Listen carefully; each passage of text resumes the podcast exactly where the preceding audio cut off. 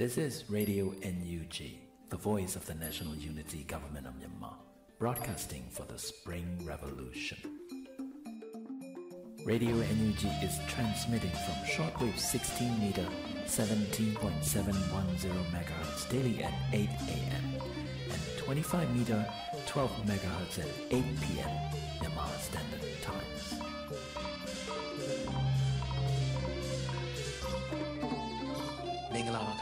အမျိုးသားညီညွတ်ရေးအစိုးရရဲ့အသံလွှင့်ဌာန Radio NUG ကိုမနေ့၈နိုင်မှာ flight meter 16 meter 19.87 MHz ညဘက်မှာ flight meter 25 meter 12 MHz တို့မှာတိုက်ရိုက်ဖမ်းယူနားဆင်နိုင်ပါပြီမင်္ဂလာအပေါင်းနဲ့ပြည့်စုံကြပါစေခုချိန်ကစပြီး Radio NUG အစီအစဉ်လေးကိုဓာတ်ရိုက်အသံလွှင့်ပေးနေပါပြီ မြန်မာနိုင်ငံသူနိုင်ငံသားအပေါင်းတဘာဝပြီးစစ်အာဏာရှင်ဘေးတို့ကနေကင်ဝေးပြီးကိုယ်စိတ်နှပါကျမ်းမာလုံးချုံကြပါစေလို့ရေဒီယိုအန်ယူဂျီအဖွဲ့သားများကဆုတောင်းမေတ္တာပို့သလိုက်ရပါတယ်ရှင်အခုချိန်ကစပြီးကာကွယ်ရေးဝန်ကြီးဌာနမှထုတ်ပြန်သောစစ်ရေးသတင်းအကျဉ်းချုပ်ကိုတင်ဆက်ပေးမှာဖြစ်ပါတယ်ရှင်ကာကွယ်ရေးဝန်ကြီးဌာနမြို့သားညီညွတ်ရေးဆိုရမှထုတ်ဝေသော နေ့စဉ်စစ်ရေးသတင်းအကျဉ်းချုပ်ကိုတင်ဆက်မှာဖြစ်ပါတယ်ကျွန်တော်ဟိန်းကိုကိုပါ စစ်ကောင်စီနှင့်တိုက်ပွဲဖြစ်ပွားမှုသတင်းစကိုင်းတိုင်းတွင်စက်တင်ဘာလ23ရက်နေ့ချောင်းဦးမြို့နယ်နတ်ရကန်ကျေးရွာနှင့်ရေပိုးစားကျေးရွာကြားစကိုင်းဘက်မှမုံရွာသို့တက်လာသောစစ်ကားကြီးနှစ်စီးအားချောင်းဦး PDF နှင့်မုံရွာတပ်မနီဖွဲ့တို့ပူးပေါင်းကမိုင်းဆွဲတိုက်ခိုက်ခဲ့ကြောင်းသိရသည်ကားနှစ်စီးလုံး၏ဘယ်ဘက်ချမ်းများဆုတ်ပြတ်သွားပြီးစကားစတတ6ဦးထက်မနည်းတည်ဆုံကြောင်းသိရသည်စက်တင်ဘာလ23ရက်နေ့မနက်9:00နာရီဝန်းကျင်တွင်စကိုင်းတိုင်းပလဲမြို့နယ် မင်းတိုင်ပင်ကျေးရွာနှင့်ကန်တောင်ကျေးရွာကြားရှိအုံနောက်လမ်းခွဲတွင်စစ်ကောင်စီတပ်သားအပြည့်ပါလာသောစစ်ကားတစ်စီးမိုင်းထိမှန်ခဲ့ကြောင်းသိရသည်ရှမ်းပြည်နယ်တွင်စက်တင်ဘာလ23ရက်နေ့နေ့လယ်17နာရီခွဲခန့်တွင်ရှမ်းပြည်နယ်မြောက်ပိုင်းမူဆယ်မှတဆင့်မုံကိုပိုင်းမူဆယ်မှတဆင့်မုံကိုဖောင်းဆိုင်ဒေသသို့စစ်အင်အားဖြစ်တင်းလာသောအကြမ်းဖက်စစ်ကောင်စီရင်နှန်း NDAA တပ်ဖွဲ့မှ RPG လေးလုံးဖြင့်ပစ်ခတ်တိုက်ခိုက်ခဲ့ကြောင်းသိရသည် အဆိုပါစစ်ရင်နှန်းသည်တပ်မ69လက်အောက်ခံတပ်များအားတင်ဆောင်လာကြောင်းတန်ကြက်ကကားတစ်စီးပါဝင်တပ်သားနှင့်ရိတ်ခါပြေးတင်ဆောင်လာကြောင်းစစ်ရင်နှန်းမှာ28စီးရှိကြောင်းသိရသည်စစ်ရေးပြစ်မှုမတရားဖမ်းဆီးတပ်ဖြတ်မိရှုမှုတည်ချင်းပြည်နယ်တွင်စက်တင်ဘာလ22ရက်နေ့ညပိုင်းတွင်ချင်းပြည်နယ်မင်းတပ်မြို့၌စစ်ကောင်စီတပ်များက၎င်းတို့ခြေကုပ်ယူထားသည့်ရဲစခန်းဝန်းထွေအုပ်ရုံးနှင့်အာထက်ကကျောင်းတို့မှနေ၍လက်နက်ကြီးလက်နက်ငယ်များဖြင့် မြို့ရင်းဘက်သို့ပစ်ခတ်သဖြင့်ထွေအုပ်ရုံးအနီးရှိအာစီဖျားကျောင်းဝင်းနေရာချုပ်ထိခိုက်ပျက်စီးခဲ့ရသည်ဟုသိရသည်။ ARD တိုင်းတွင်စက်တင်ဘာလ22ရက်နေ့ ARD တိုင်းကံကြီးတောင်မြို့နယ်တကားမြို့တွင်နေထိုင်သူဦးစိုးလွင်ဦးမြတ်စိုးနှင့်ဒေါ်ကြီးပုံတို့အားစစ်ကောင်စီမှမေးမြန်းစုံစမ်းစရာရှိသည်ဟုဆိုကဖမ်းဆီးခေါ်ဆောင်သွားကြောင်းသိရသည်။မြည်သည့်အတွက်ကြောင့်ဖမ်းဆီးခေါ်ဆောင်သွားသည်ကိုမသိရှိရသေးပါ။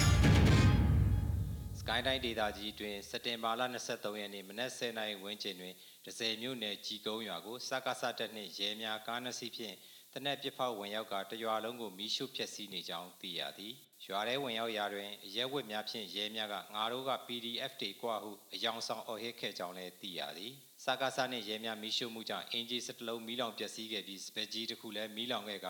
စပားတင် 600ကျော်ဆုံးရှုံးခဲ့ကြောင်းသိရသည်။ရွာသားများလည်းရှောင်တိန်နေရကြောင်းသိရသည်။စက်တင်ဘာလ23ရက်နေ့မနက်ပိုင်းတွင်စကိုင်းတိုင်းဒေသကြီးကန့်ဘလူမြို့နယ်တိုင်းဒေသကြီးလွှတ်တော်ကိုယ်စားလှယ်ဟောင်း2015-2020ဒေါခင်မျိုးချစ်နှင့်သူမ၏အကိုဖြစ်သူကိုနိုင်တို့နှစ်ဦးနေအိမ်တွင်ဖမ်းဆီးခံရကြောင်းသိရသည်စက်တင်ဘာ22ရက်နေ့ည9:00နာရီကျော်အချိန်ကနောင်ကြီးရင်စကန်တွင်ရောက်ရှိနေသောအကြမ်းဖက်စစ်တပ်မှ ရွှေဘိုအထက်တရားအနီးမှတနက်များပစ်ဖောက်၍နောင်ကြီးရင်ရွာထဲသို့အင်အားအလုံးရင်းဖြင့်ခြေလျင်ဝင်လာကြောင်းသိရသည်စကားစတပ်မှတွေ့ရအိမ်များကိုဝင်ရောက်ရှာဖွေမှွေနောက်ပြီးမြင်သမျှရွာသားများကိုဖမ်းခေါ်စစ်ဆေးနေကြောင်းတက်ကြွလှုပ်ရှားသူများ၏နေအိမ်များကိုမြည်နှင့်တကွဝင်ရောက်ရှာဖွေခဲ့ကြောင်းသိရသည်ရွာကန်များလည်းထွက်ပြေးတိမ်းရှောင်နေရကြောင်းသိရသည်ထွေထွေသတင်းအနေနဲ့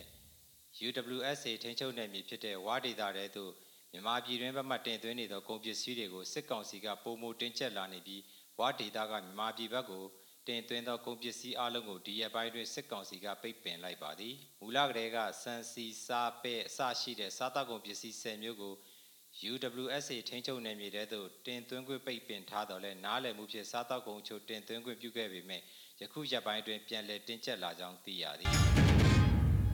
2021တွင်မြမစီးပွားရေးအနှုတ်18.4ရာခိုင်နှုန်းကျဆင်းခဲ့ကြောင်းအာရှဖွံ့ဖြိုးရေးဘဏ် ADB မှထုတ်ပြန်ထားသည်မြမစီးပွားရေးသည် COVID-19 နှင့်အာဏာသိမ်းမှုဖြစ်စဉ်များကြောင့်ဒေသတွင်းနိုင်ငံများတွင်တနိုင်ငံထဲကွက်ပြီးစီးပွားရေးကျဆင်းခဲ့ရခြင်းဖြစ်သည်2021တွင်စီးပွားရေးအနှုတ်18.4ရာခိုင်နှုန်းကျဆင်းနေတော့လဲအာဏာသိမ်းကျန်းဖက်စစ်ကောင်စီဥက္ကဋ္ဌကမူ6လအတွင်းနိုင်ငံ၏စီးပွားရေးပြန်လည်ရှင်သန်အောင်လှုပ်ဆောင်နိုင်သည်ဟုပြောဆိုခဲ့ကြောင်းသိရသည်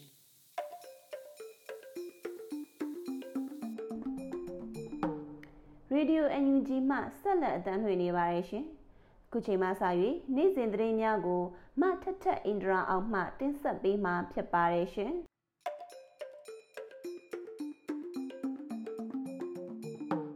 အခုပထမအောင်ဆုံးအနေနဲ့အကြံဖက်စစ်ကောင်စီကအာဏာသိမ်းပြီးတဲ့နောက်ပိုင်းစက်တင်ဘာ22ရက်နေ့အထိတပ်ဖြတ်ခံရသူပြည်သူ1120ဦးရှိပြီလို့ နိုင်ငံရေးကျင်းသားများကုညီဆောက်ရှောက်ရေးအသင်း AAPP ကထုတ်ပြန်ထားတဲ့သတင်းကိုတင်ဆက်ပေးမှာဖြစ်ပါတယ်။နိုင်ငံရေးအကျဉ်းသားများကုညီဆောက်ရှောက်ရေးအသင်း AAPP ရဲ့ကောက်ခံရရှိတဲ့မှတ်တမ်းတွေအရစကိုင်းတိုင်းဒေသကြီးကလေးမြို့နယ်နဲ့မန္တလေးတိုင်းဒေသကြီးနထိုးကြီးမြို့နယ်တို့ကအပြစ်မဲ့ပြည်သူ6ဦးရဲ့အချက်လက်တွေကိုစက်တင်ဘာလ22ရက်နေ့မှာထပ်မံကောက်ယူရောက်ရှိခဲ့တာဖြစ်ပြီးတော့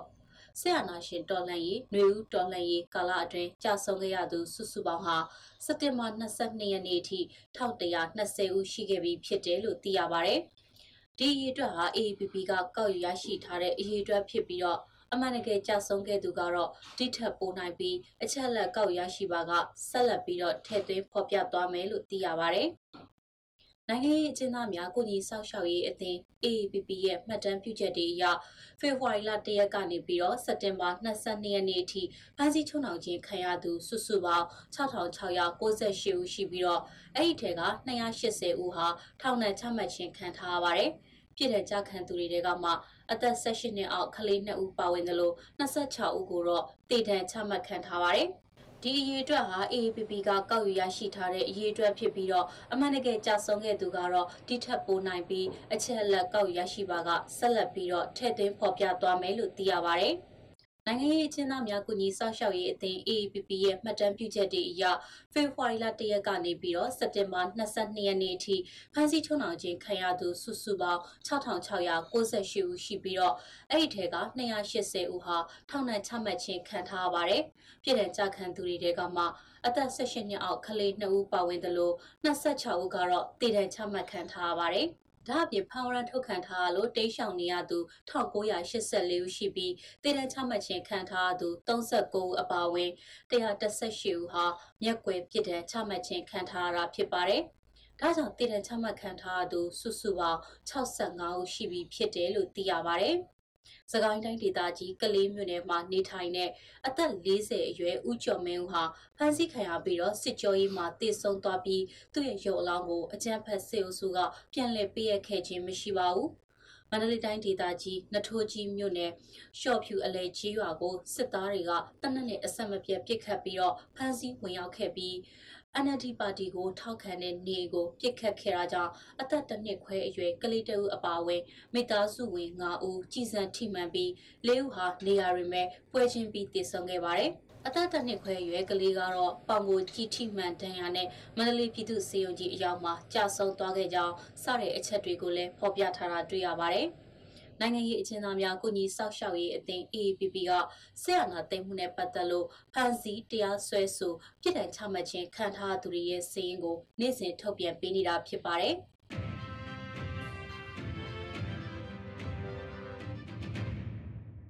အခုဆက်လက်ပြီးတော့အမျိုးသားညီညွတ်ရေးအစိုးရကိုအပြည့်အဝထောက်ခံပြီးလိုအပ်တဲ့အကူအညီတွေပံ့ပိုးပေးသွားမယ်လို့တောင်ကိုရီးယားအာဏာရပါတီခေါင်းဆောင်ကပြောကြားလိုက်တဲ့သတင်းကိုတင်ဆက်ပေးခြင်းပါတယ်။တောင်ကိုရီးယားအာဏာရပါတီဟာအမျိုးသားညီညွတ်ရေးအစိုးရ NUG ကိုအပြည့်အဝထောက်ခံပြီးတော့လိုအပ်တဲ့အကူအညီတွေကိုတတ်နိုင်သမျှပံ့ပိုးသွားမယ်လို့ပြောကြားလိုက်ပါတယ်။တောင်ကိုရီးယားအာဏာရဒီမိုကရက်တစ်ပါတီဥက္ကဋ္ဌမစ္စတာဆုံယောင်ကီနဲ့လွှတ်တော်ကိုယ်စားလှယ်အဖွဲ့ဟာ အမေရိကန်အစိုးရတာဝန်ရှိသူတွေနဲ့တွေ့ဆုံဖို့ကုလသမဂ္ဂအထွေထွေညီလာခံကိုလေ့လာဖို့အမေရိကန်ပြည်ထောင်စုကိုရောက်ရှိနေစဉ်မှာ VOA သတင်းဌာနနဲ့တီးသန့်တွေ့ဆုံပြောကြားခဲ့တာဖြစ်ပါတယ်။ကျွန်တော်တို့အာဏာသိမ်းမြန်မာစစ်ကောင်စီကိုမထောက်ခံဘူးဆိုတာတရားဝင်ပြောထားပြီးဖြစ်တယ်လို့ NUG အစိုးရကိုအပြည့်အဝထောက်ခံပါတယ်လို့မစ္စတာဆုံယောင်ခီကပြောပါတယ်။ တောင်ကိုရီးယားဒီမိုကရက်တစ်ပါတီဥက္ကဋ္ဌဟာမြန်မာအရေးမှာလိုအပ်တာတွေကုညီနိုင်ဖို့ကုလသမဂ္ဂဆိုင်ရာမြန်မာတပ်အမတ်ကြီးဦးကျော်မိုးထွန်းနဲ့လည်းနယူးယောက်မြို့မှာတွေ့ဆုံဆွေးနွေးဖို့ရှိနေပါတယ်။ အခုလိုမြမနွေဦးတော်လှန်ရေးကိုကျွန်တော်တို့ပါတီကထောက်ခံရတာဟာ1980တုန်းကဆီယနာရှင်လက်ထက်တောင်ကိုရီးယားဂွမ်ဂျူမြို့မှာဒီမိုကရေစီအရေးဆန္ဒပြလှုပ်ရှားသူတွေကိုစစ်တပ်ကရေးရဆက်ဆက်ဖြိုခွင်းတပ်ဖြတ်ခဲ့တဲ့အတွေ့အကြုံကျွန်တော်တို့စီမှာရှိပါတယ်။အခုမြမပြည်သူတွေရင်ဆိုင်နေရတာနဲ့တူပါတယ်။ဒါကြောင့်မြန်မာပြည်သူတွေလည်းဆရာနာရှင်လောက်ကနေလွတ်မြောက်စေခြင်းတဲ့အတွက်ထောက်ခံအားပေးနေရတာပါလို့လည်းမစ္စတာဆုံယောင်ကီက VOA ကိုပြောပါတယ်။ မစ္စတာဆွန်ယောင်ကီဟာမြန်မာပြည်သူတွေအတင်းထားဖို့ပြောကြားပြီးတော့မြန်မာပြည်သူတွေကိုကမ္ဘာနိုင်ငံတွေကပါထောက်ခံအားပေးလာတဲ့အတွက်တနေ့မှာမြန်မာပြည်သူတွေရဲ့ဆန္ဒအတိုင်းမောက်ချအောင်မြင်မှုရမယ်ဆိုတာယုံကြည်ပါတယ်လို့ပြောဆိုခဲ့ပါတယ်။နောက်ပြီးမြန်မာနိုင်ငံထဲမှာလက်နက်ကင်တွန်းလှန်တိုက်ခိုက်တာတွေရှိနေတာကိုတောင်ကိုရီးယားအနေနဲ့လည်းနားလည်ကြောင်းနဲ့ဂွမ်ဂျူးမြို့ဒီမိုကရေစီတော်လှန်ရေးတုန်းကလည်းအခုလိုလက်နက်ကင်တွန်းလှန်မှုတွေရှိခဲ့တယ်လို့မစ္စတာဆုံယောင်ကီကပြောကြားခဲ့ပါတယ်။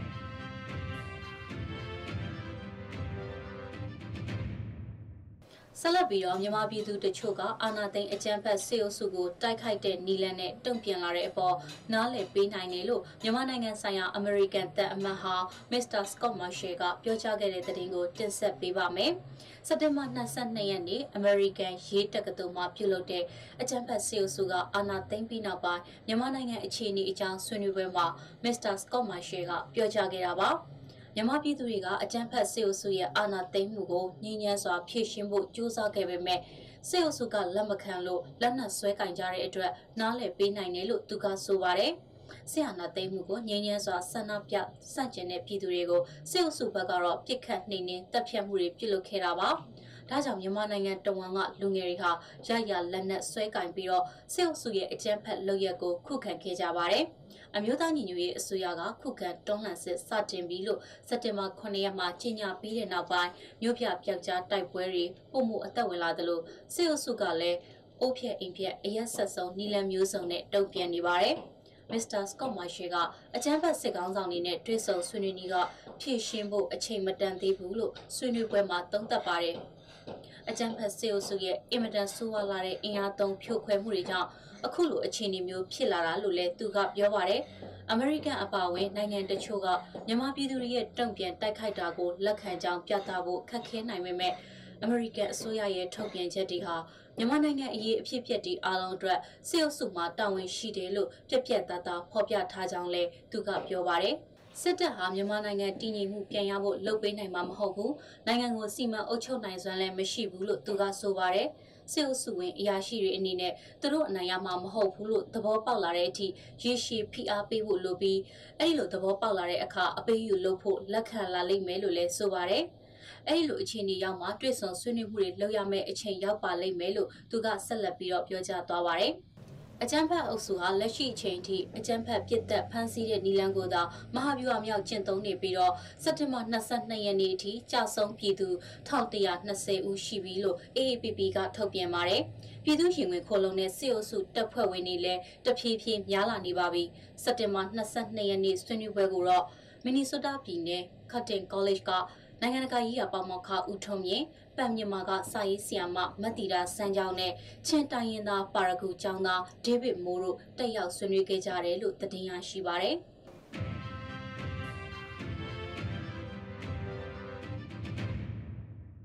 ခုနောက်ဆုံးအနေနဲ့မြန်မာနိုင်ငံတဝန်ကဆရာနာရှင်ဖြုတ်ချရေးအတွက်နေ့စဉ်စံကျင်တော်လှန်နေကြတဲ့လူထုဆန္ဒပြပွဲတွေရဲ့အကြောင်းကိုစုစည်းတင်ဆက်ပေးမှာဖြစ်ပါတယ်။ စကိုင်းတိုင်းရင်းမာပင်ခရိုင်စာလင်ကြီးမြို့နယ်မြောက်ချမ်းနဲ့ရင်းမာပင်အရှိချမ်းကြေးရွာပေါင်းစုံတပိတ်စစ်ကြောင်းဟာဖက်စစ်စစ်ကောင်စီတော်လှန်ရေးချီတက်ဆန္ဒပြခဲ့ကြောင်းသိရပါတယ်။မြိုင်မြို့နယ်တောင်ပိုင်းတပိတ်စစ်ကြောင်းကလည်းဖက်စစ်စစ်ခွေးတက်အမြင့်ဖြတ်ချင်းမုံရေးဆိုင်ကယ်ရီနဲ့ချီတက်ဆန္ဒပြခဲ့ပါတယ်။ရွှေဘုံမြို့နယ်မှာရှိတဲ့ကြေးရွာတရွာမှာလည်းအကြမ်းဖက်စစ်ကောင်စီဖက်စစ်တပ်တော်လှန်ရေးနဲ့အန်ယူဂျီထောက်ခံရေးပြည်သူတွေဥဆောင်ကချီတက်ဆန္ဒပြခဲ့ကြောင်းသိရပါဗျ။ ဒဝဲခရိုင်လောင်းလုံးမြို့နယ်မှာလူငယ်တွေဦးဆောင်ပြီးဖက်စစ်စစ်တပ်ချီမုံရေးချီတက်ဆန္ဒပြခဲ့ကြပါတယ်။မန္တလေးတပိတ်အင်အားစုပျောက်ကြားတပိတ်နဲ့ချီတက်ဆန္ဒပြကြပြီးတော့ဒီမော့ဆုတိုက်ပွဲမှာကြာဆုံးသွားတဲ့မန္တလေးလူငယ်တပိတ်ကောင်းဆောင်တဦးဖြစ်သူစိုင်းဖုံမင်းတန်ကိုဥညွတ်ဂုဏ်ပြုခဲ့ကြပါတယ်။အင်ပြေအပြေမန္တလေးຫນွေဦးခေတ်သစ်ပျောက်ကြားတပိတ်စစ်ကြောင်းကလည်းစိန်ခေါ်တဲ့တတိရှိလို့ဆန္ဒပြထွက်တာတတိရှိရှိယူနီဖောင်းဝတ်ပြီးမှလာဖန် စတဲ့စာသားကိုကင်ဆောင်ပြီးတော့အရက်ဝတ်တွေနဲ့လိုက်လံဖမ်းဆီးနေသူတွေကိုစိတ်ခေါ်ဆန္ဒထုတ်ဖော်ခဲ့ပါတယ်။မန္တလေးမြို့ဝဲမုတ်ဦးနန်းဆောင်မှာမတရားဖမ်းဆီးခံထားရတဲ့နိုင်ငံတော်အတိုင်ပင်ခံပုဂ္ဂိုလ်ပုံပါ ငါတို့အားလုံးရဲ့နိုင်ငံတော်စာရန်အားမန္တလေးတပိတ်အင်အားစုကဒီကနေ့မနက်ပိုင်းမှာချိတ်ဆွဲပြီးတော့အကြမ်းဖက်ဆင်အာဏာရှင်စန့်ကျင်ရေးစာရွက်ဖြန့်လှုပ်ရှားမှုပြုလုပ်ခဲ့ကြတယ်လို့သိရပါတယ်။ဒါကတော့စက်တင်ဘာလ23ရက်နေ့လယ်2နာရီအချိန်ထိရရှိထားတဲ့မြန်မာနိုင်ငံတဝန်းဆင်အာဏာရှင်ကိုစန့်ကျင်တဲ့လူထုဆန္ဒပြပွဲတွေရဲ့အကြောင်းကိုစုစည်းတင်ဆက်ပေးကြတာဖြစ်ပါတယ်။မြန်မာနိုင်ငံသူနိုင်ငံသားအပေါင်းဆင်အာဏာရှင်လက်အောက်ကနေအမြဲဆုံးလွတ်မြောက်ကြပါစေလို့ဆုတောင်းပေးလိုက်ရပါတယ်။ ကျေးဇူးတင်ပါတယ်ရှင်။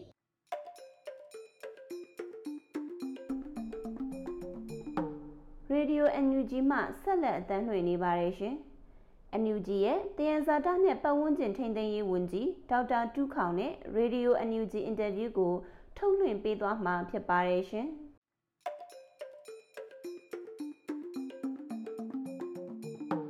NUG အစိုးရရဲ့ တဘာဝတယံဇာတာနဲ့ပတ်ဝန်းကျင်ထိန်းသိမ်းရေးဌာနဝန်ကြီးဒေါက်တာတူးခေါင်ကို Facebook ပေါ်မှာသူရေးသားထားတဲ့အမေးအဖြေ post တွေအခြေခံပြီးတော့လက်ရှိနိုင်ငံရေးအခြေအနေများအပေါ်မှာဝင်ကြီးရဲ့သဘောထားကို Radio NUG ကပြည့်ပြည့်စုံစုံသိကျင်တာတွေမေးမြန်းထားတာပဲဖြစ်ပါတယ်ရှင်။ဝင်ကြီးမင်္ဂလာပါရှင်။ပြည်သူတွေလှူထားတဲ့ဒေါ်လာ18တန်းကျော်ဘယ်ရောက်နေလဲဆိုတာအများကမေးလာနေကြပါတယ်။အခုချိန်ထိဒေါ်လာ18တန်းပဲအလူခံလို့ရသေးရလားဘလို့အလူခံတွေကနေရတဲ့ 18တန်းဆိုတာလဲရှင်းပြပေးစေချင်ပါတယ်။နောက်ဘတ်ချက်ကတန်း800တောင်လူနေရဆိုတာလဲနည်းနည်းလေးထပ်ပြီးရှင်းပြပေးလို့ရနိုင်မလားရှင်ဟုတ်ကဲ့မင်္ဂလာပါဟုတ်ကဲ့အခုလိုမျိုးပေါ့နော်ဟိုကျမ်းမရှင်းပြခွင့်ရတဲ့အတွက်လည်းကျေးဇူးတင်ပါတယ်ဒါဒေါ်လာ18တန်းကိစ္စကအလူခံထားတဲ့ကိစ္စပါပြောမယ်ဆိုရင်တော့သူတို့ကတော့အားလုံးပေါင်းပြီးမိတာပေါ့ဗျာအရင်တော့ GoFund GoFundMe ကနေအဲလူထားတဲ့ဟာတွေနောက်ပြီးတော့ အဲ refer ticket ဆိုတာတွေနောက်ပြီးတော့နောက်ပြီးတော့ဒီ cryptocurrency ကနေအလူခံထားရတဲ့ဟာအကုန်လုံးရှိတယ်ဒီတော့အဲအားလုံးပေါင်းပြီးတော့မှမှန်းပြီးတော့မှသူတို့အနေနဲ့18တန်းဆိုတဲ့ amount ကိုမေးလာတာဖြစ်တယ်လို့ကျွန်တော်တို့အဲ့လိုစပါတယ်အဲအဲ့ဒီ18တန်းကဘယ်ရောက်သွားတယ်လဲဆိုတဲ့ကိစ္စပေါ့နော်ဒီအမှန်က18တန်းမကောက်ဘူးဗျပြောမယ်ဆိုရင်တော့တီးကြပေါ့နော် ဝင်ကြီးဌာနအတီးတီးကိုတိုက်ရိုက်လူနေတဲ့အလူငွေတွေရှိမယ် PDF တွေကိုတိုက်ရိုက်လူနေတဲ့အလူငွေတော့အများကြီးရှိမယ်ပြောချင်တာကတော့ဒါ GoFundMe ကရတဲ့အားလုံးကတော့ဒါကျွန်တော်လူသားချင်းစာနာထောက်ထားနေရာမှာတုံးတာများတယ်လို့ကျွန်တော်တို့အဲ့လိုပဲအသေးချာပြောနိုင်တာကစီရင်အားလုံးရှိတယ်ဆိုတဲ့ဟာပေါ့နော်စီရင်အင်းနဲ့ပတ်သက်ပြီးမှနိုင်ငံတကာကလက်မှတ်ရထားတဲ့ဒီပညာရှင်တွေအများကြီး ဝိုင်းကူလုပ်ပေးနေကြတယ်ဆိုတဲ့ဟာကိုပဲကျွန်တော်ကပြောချင်တာပါပြောမယ်ဆိုတော့ဟိုပြည်သူတွေလူထားတဲ့အလူငွေကလာဟတာမဟုတ်ဘူးပေါ့နော်အားလုံးကအကျိုးရှိရှိသုံးနေပါတယ်ဆိုတဲ့အကြောင်းကိုကျွန်တော်အဲ့ဒါကိုဟိုပြောပြခြင်းတဲ့သဘောမျိုးဖြစ်ပါတယ်ဒီတော့ဟိုအသေးစိတ်ဟိုပေါ့လျှို့ရဲ့အပ်တဲ့ဟာတွေပေါ့ဒါပြောလည်းမပြောခဲ့ဘူးပေါ့နော်ဒါလည်းနည်းနည်းကျွန်တော်တို့အနေနဲ့အဲလိုအပ်တဲ့အခါကျတော့ ဟို transparency မှာကျွန်တော်တို့ကဒေါ်လာရေးချိန်ခါဖြစ်တဲ့အတွက်အသေးစိတ်ကတော့ဘူးပေါ်မှာလည်းကျွန်တော်တို့ပြောပြလို့လည်းမဖြစ်ဘူးတန်းရှိရာကိစ္စပေါ့နော်တန်းရှိရာကိစ္စလည်းဒါကဘတ်ဂျက်ရာထားမှုတန်း900ကျော်ကတရားဝင်ထုတ်ပြန်ထားတာရှိပါတယ်ဒါမီဒီယာတွေမှာလည်းပါပြီးသားပါ လေးလပတ်အတွက်ပေါ့နော်လေးလပတ်အတွက်ပြောမယ်ဆိုတော့ဒီနှစ်အတွက်ပေါ့ဗျာကိုဒီနှစ်ကကုန်ခါနေပြီဆိုတော့ဒီ2021ဒီနှစ်အတွက်ကဒါဟိုဒါတော့မှဒီနှစ်အတွက်ပဲရှိသေးတာပေါ့နော်ကျွန်တော်တို့အခုဝကြီးဌာနအတီးတီးမှာသုံးနေပြီးသားပေါ့နော်ဟိုသုံးနေကြအကုန်လုံးပေါင်းလိုက်ရင်တော့ဒါ800လောက်တော့ရောက်သွားမယ်ဆိုတဲ့သဘောကိုကျွန်တော်ကတော့ဒါကျွန်တော်တို့ဝကြီးဒီပြောမယ်ဆိုတော့ NUG ရဲ့တကယ်တကယ်လိုအပ်နေတဲ့အပိုင်းပေါ့နော်လိုအပ်နေတာကဒီ18တန်းတော့မဟုတ်ဘူး ဒါဒီလောက်တော့ရှိတယ်ဆိုတဲ့အကြောင်းကိုပြောပြတာပါအစိုးရတရက်ဆိုတာကဒီ18တန်းလောက်ကတော့ဒါစင်မစနံပတ်လောက်ပဲရှိတယ်ကျွန်တော်တို့တကယ်တကယ်အလုံးလုံးနေတာကအဲဒီထက်မကအများကြီးပေါ့နော်ကျွန်တော်တို့ရဲ့ဒီအလုံးဘောတရားရ3ရမဲ့ဒီ fan ပေါ့နော်ဘာနာရေးရလဲ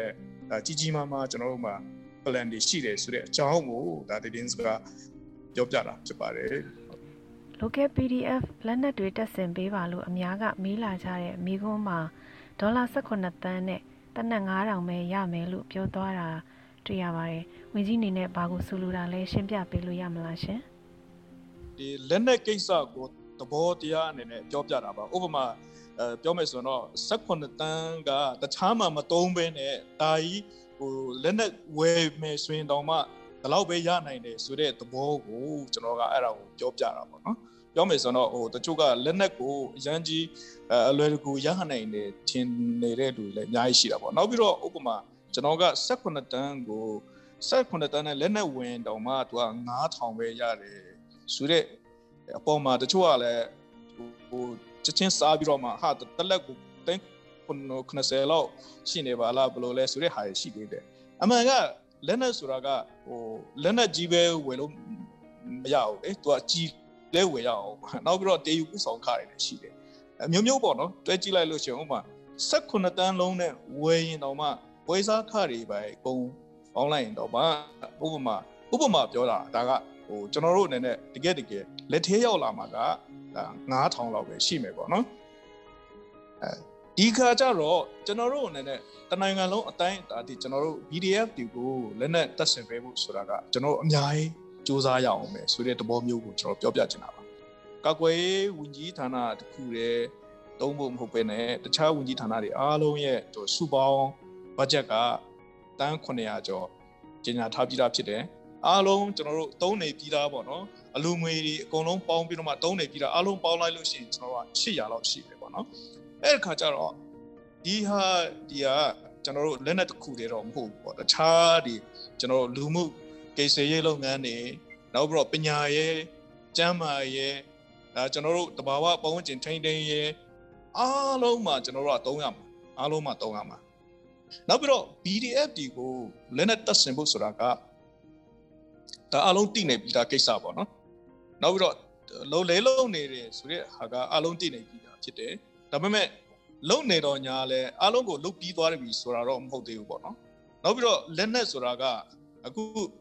ဒါနှစ်ပေါင်း80လောက်တည်ရှိလာတဲ့ဒါမြမတတ်မတော်တော်မှာဟိုအခုချိန်လေးကိုဝယ်ပြီးဟိုစုဆောင်းနေတော့ပဲပြောမယ်ဆိုတော့ဟိုတတ်စင်နေတော့ပဲပေါ့နော်ဟိုဝယ်ဝယ်လိုက်ပေးလိုက်စုလိုက်ကိုကမှ upgrade လုပ်လိုက်ပေါ့နော်လက်နဲ့တတ်စင်နေဆိုတာကဘေးအတိုင်းအတာအထိတတ်စင်ပြီးမလဲဘယ်ချိန်ပြီးမလဲဆိုတာတော့မရှိဘူးဒါရနိုင်တဲ့လောက်ကတော့ဒါကတော့ရတဲ့လောက်ကတော့ဒါတတ်စင်သွားမှာပဲပြောမယ်ဆိုရင်တော့ ဒါ PR ပေါ့နော်ပြည်သူနဲ့ပြည်သူကိုစီးရုံးဖို့ပြည်သူနဲ့တသားတည်းဖြစ်ဖို့ပြည်သူရဲ့လူအင်ဆန္ဒနဲ့ကျွန်တော်တို့တော်လန်ရေးတသားတည်းဖြစ်ဖို့ဒါဟာအင်မတန်အရေးကြီးတယ်လို့ကျွန်တော်အဲ့လိုယူဆတယ်။တစ်ဖက်မှာလည်းဒါလက်နက်ကကျွန်တော်တို့ရဲ့ဒါ leverage တွေပေါ့နော် political leverage တွေတော်လကောင်းပေါ့နော်။ဒါကျွန်တော်တို့ရဲ့အဲစကားပြောမယ်နိုင်ငံရေးစကားပြောမယ်ဆိုသည့်အတိုင်းအောင်ကျွန်တော်တို့အနေနဲ့ဒါဟိုရှိတင်ရှိထိုက်တဲ့ကျွန်တော်တို့ရဲ့ ဩဇာရှိဖို့ဆိုရင်တော့ဒါလက်နက်တော့လိုအပ်တယ်ပေါ့နော်အာအခုကဗာလဲဆိုတော့ကျွန်တော်တို့ရင်ဆိုင်နေရတဲ့ဒီလက်နက်ကန်အဖွဲ့အစည်းကြီးကဟိုသူတို့ရဲ့ဒီလက်နက်ပေါ်မှာပဲအားကိုးပြီးတော့မှလူတွေကိုစကားပြောနေတဲ့အဖွဲ့အစည်းဖြစ်တယ်ပေါ့နော်အဲ့ကကြတော့နိုင်ငံရေးအရာကိုဟိုစပွဲပေါ်မှာကောင်းကောင်းမွန်မွန်ဟိုပြောဖို့အတွက်မဖြစ်နိုင်တော့တဲ့အခြေအနေကိုကျွန်တော်တို့ကိုတွန်းပို့နေတဲ့အခါကျတော့ကျွန်တော်တို့အနေနဲ့လည်းဒါ ဖြစ်တဲ့နည်းနဲ့ကျွန်တော်တွန်းလှန်ပြီးတော့မှနိုင်ငံရေးရပြောလာဖို့စူရီအတိုင်းအောင်ကျွန်တော်တို့အနေနဲ့ကလက်နက်ကိုဒါတစ်ဖက်ကလည်းကျွန်တော်တို့အားရှိအောင်ပေါ့နော်ကင်ထားရမယ်ဆိုတဲ့သဘောမျိုးတော့ကျွန်တော်ဒါခံယူထားတာဖြစ်ပါတယ်။ဒါကြောင့်ဘာလဲဆိုတော့ဖက်မှာကျွန်တော်လက်နက်ကိုတက်ဆင်သွားမယ်တစ်ဖက်မှာလည်းနိုင်ငံရေးစကားပြောဖို့ဆိုတာကဒါအမြဲတမ်းဒါကျွန်တော်ရဒါကိုပိုင်ပေါ့နော် ခံယူချက်ဖြစ်တယ်စပွဲပုံမှာစကားပြောမယ်နိုင်ငံရေးစကားပြောမယ်ဆိုတာကအမြဲတမ်းကျွန်တော်နိုင်တယ်လေယုံကြည်မှုရှိပါတယ်ဒါပေမဲ့ဘယ်အတိုင်းအတာအထိမှာဘလို့အခြေအနေပေါ့နော်ဘလို့အခြေအနေမှာဘလို့ condition မှာကျွန်တော်တို့စကားပြောမယ်ဆိုတာတော့ရှိတော့ပေါ့နော်ဒါကတော့ဒါအခုချိန်ကတော့ဒါကြီးကြိုပြောလို့တော့မရဘူးပေါ့နော်ဟုတ်ကဲ့ဝင်ကြီးရှင့် PDF အားလုံးနဲ့ဆက်သွယ်ဆောင်ရွက်ပါလို့မေးလာကြတဲ့မိကုံးအပေါ်မှာစစ်ကောင်စီဘက်က PDF အတူတွေရှိနေတယ်တတိထားရမယ်လို့ပြောသွားတာလည်းတွေ့ပါတယ် အလူရှင်တွေလည်းအဖမ်းခံရတာမနည်းဘူးတဲ့အဲ့ဒီအချက်လေးတွေပေါ်မှာလည်းနည်းနည်းထပ်ပြီးတော့ဝင်ကြီးနေနဲ့ရှင်းပြပေးနိုင်မလားရှင်ဟုတ်ကဲ့အဲ့ဒါကဟိုပေါ့အဒီကဘာလဲဆိုတော့အခုကျွန်တော်တို့ဟိုတိုက်ရိုက်ဆက်တွယ်လာတဲ့ PDF တွေအများကြီးရှိတယ်เนาะအများကြီးရှိတယ်တိုက်ရိုက်ဆက်တွယ်လာတဲ့ PDF PDF ပါဆိုပြီးတော့ဆက်တွယ်လာရလို့အများကြီးပဲဒါပေမဲ့ကျွန်တော်ကအဲ့ဒါ verification ကိုကောင်းကောင်းလုပ်လိုက်တဲ့အခါကျတော့တချို့က အာမဟုတ်ဘူးဖြစ်နေတယ်ပြောမယ်ဆိုတော့ကျွန်တော်တို့လည်းကိုနေကိုဟန်နဲ့ဒီ verify လုပ်တဲ့ process တွေရှိတာကိုရှိတဲ့အခါကျတော့ verify လုပ်လိုက်တဲ့အခါကျတော့အဲ့လိုပြောပေါ့အာပျောက်ပျောက်တံပြီးပျောက်ပျောက်သွားတာမျိုးတွေအများကြီးရှိတယ် PDF တွေကိုညှိခြင်းတယ်ဆိုပြီးတော့ဆက်တွယ်လာတဲ့လူလည်းရှိတယ် PDF ဘာကျွန်တော်တို့ကိုကူညီပါဆိုပြီးတော့ဆက်တွယ်လာတဲ့လူတွေလည်းရှိတယ်ဥပမာဗျာကျွန်တော်ကကောင်းကောင်းမွန်မွန် verify မလုပ်ဘဲနဲ့ ဟေးဟိုမှာ PDF ကူညီဖို့လူတဲ့ PDF လည်းရှိတယ်ကူညီမယ်ဆိုတဲ့လူလည်းရှိတယ်ပေါ့နော်ကျွန်တော်ကအေးသူ့ကိုကူညီလိုက်ပါဆိုပြီးတော့ကျွန်တော်ကဓာတ်ရိုက်ဆက်ပေးလိုက်လို့ရှိရင်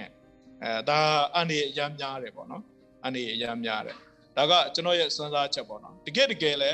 ဒါအဖမ်းခံထားတဲ့လူတွေရှိတယ်ဒီလိုမျိုးအချိန်တွေမှာအားလုံးဒိဋ္ဌိထားနိုင်အောင်လို့အတွင်ယူတဲ့ PDF ဒါဟို PDF တွေကကုထုကရ PDF တွေရမ်းများတဲ့အခါမှာဒီနေရာမှာ သူတို့ဘက်ကလည်းဒါလောက်လာနိုင်တဲ့သဘောရှိတယ်ဆိုတာကငကိုတွေကဒီကျွန်တော်တို့ဘက်ကလည်းကြိုတွေးထားပြတာပြော PDF မဟုတ်ဘူးဒီကျွန်တော်တို့စီမှာတင်နန်းလာယူတဲ့ထင်းမှာတော့မှအဲတွင်ယူတဲ့လူတွေအများကြီးရှိကောင်းရှိလာနိုင်တာပဲဒါက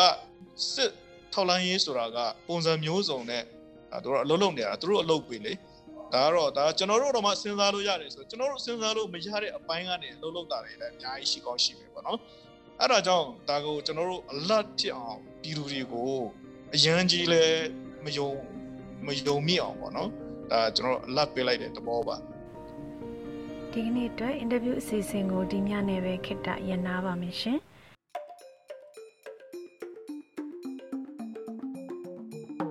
အခုဆက်လက်ပြီးကလောင်ရှင်မိုးခါရေးတဲ့တချိန်ကောင်းဆိုတဲ့အစီဆောင်ပါကိုနားဆင်ကြရမှာဖြစ်ပါတယ်ရှင်တပားသူအိမ်မက်ကိုရိုက်ချိုးပြီးဒုယူပိုင်ဆိုင်ခွင့်ရစဒန်းဆိုရင် ဒူတိုင်းဟာဓာတ်တာတွေဖြစ်ကုန်မှာပေါ့တက်တွင်းဟာတငယ်ချင်းတို့ရေအခုတော့မင်းတို့ဘဝကိုကြည်ပြီးကျုပ်ရင်လေးမိတယ်လူရယ်လို့ဖြစ်လာရင်စင်းရဲသည်ဖြစ်စေချမ်းသာသည်ဖြစ်စေလူပတ်ဝန်းကျင်အတိုင်းဝိုင်းနဲ့တင့်တင့်နဲ့နှွေးထွေးတဲ့ပေါင်းတင်ဆက်ဆံမှုရှိနေမှာဘဝရဲ့တနေ့တာဖြတ်သန်းမှုဟာအတိပ္ပယ်ရှိအသက်ဝင်မှာပေါ့အ ခုတော့တနက်ကင်ပြီးအုပ်စုဖွဲ့လူတွင်ကျဲလှုပ်ရဲတာကလွဲလို့တကိုယ်တည်းမသွားရဲမလာရဲမစားရဲမတောက်ရဲမအိပ်ရဲတဲ့ဘဝမှာတရားမျှတမှုကိုဥထိပ်ပန်စင်နဲ့ရဲဆိုတဲ့နာမည်ကလုံးမပါပြောက်ကွယ်နေပြီမဟုတ်လားအချိန်တွေတိတ်မကြံတော့ဘူးတစစ်ချင်းအမုန်းခံရတဲ့ပြည်သူတွေရဲ့နာကြီးမှုတွေအယောင်ရင့်လာပြီ ဆိုထားသမျှတစ္ဆာတွေစူပြီးကျိန်စာနွန်နစ်လာပြီအာနာယူတွေကိုကာကွယ်ဖို့မထူးဆက်ဆက်ခင်းမနေကြပါနဲ့မကြံတော့တဲ့အချိန်လေးမှာမင်းတို့ဂုံတိတ်ခါအတွက်မင်းတို့မိသားစုဂုံတိတ်ခါမင်းတို့ချစ်တဲ့ရဲတပ်ဖွဲ့ဂုံတိတ်ခါအတွက်ပြည်သူဘက်ကရဲရဲရက်တီလိုက်ပါတော့နာကျင်မှုတွေကိုအန်ကျိတ်ခံရင်ပြည်သူတွေကမင်းတို့ ကြိုးစုံနေသေးပါတစ်ချိန်ကမူခါဒီကနေ့တော့ဒီညနဲ့ပဲ Radio NUG အစီအစဉ်လေးကိုကိတ္တရန်နာလိုက်ပါမယ်မြန်မာစံတော်ချိန်မနေ့၈နာရီညနေ၈နာရီတို့မှာပြန်လည်တွေ့ဆုံကြပါစို့ Radio NUG ကိုမနေ့၈နာရီမှာလိုင်းဒိုမီတာ16မီတာ19.87 MHz ညဘက်မှာလိုင်းဒိုမီတာ25မီတာ 12 MHz တို့မှာတိုက်ရိုက်ဖမ်းယူနားဆင်နိုင်ပါပြီမြန်မာနိုင်ငံသူနိုင်ငံသားများကိုစိတ်နှပြချမ်းမာချမ်းသာလို့ဘေးကင်းလုံခြုံကြပါစေလို့ Radio NUG အဖွဲ့သူအဖွဲ့သားများဆုတောင်းပေးလိုက်ပါတယ်အမျိုးသားညီညွတ်ရေးအစိုးရရဲ့ဆက်သွယ်ရေးသတင်းအချက်အလက်နဲ့ဤပညာဝန်ကြီးဌာနကထုတ်လွှင့်နေတဲ့ Radio NUG ဖြစ်ပါတယ်။ San Francisco Bay Area အခြေစိုက်မြန်မာမိသားစုများနဲ့ နိုင်ငံတကာကစေတနာရှင်များလှူအားပေးများရဲ့ Radio NUG ဖြစ်ပါတယ်။အရေးတော်ပုံအောင်ရမည်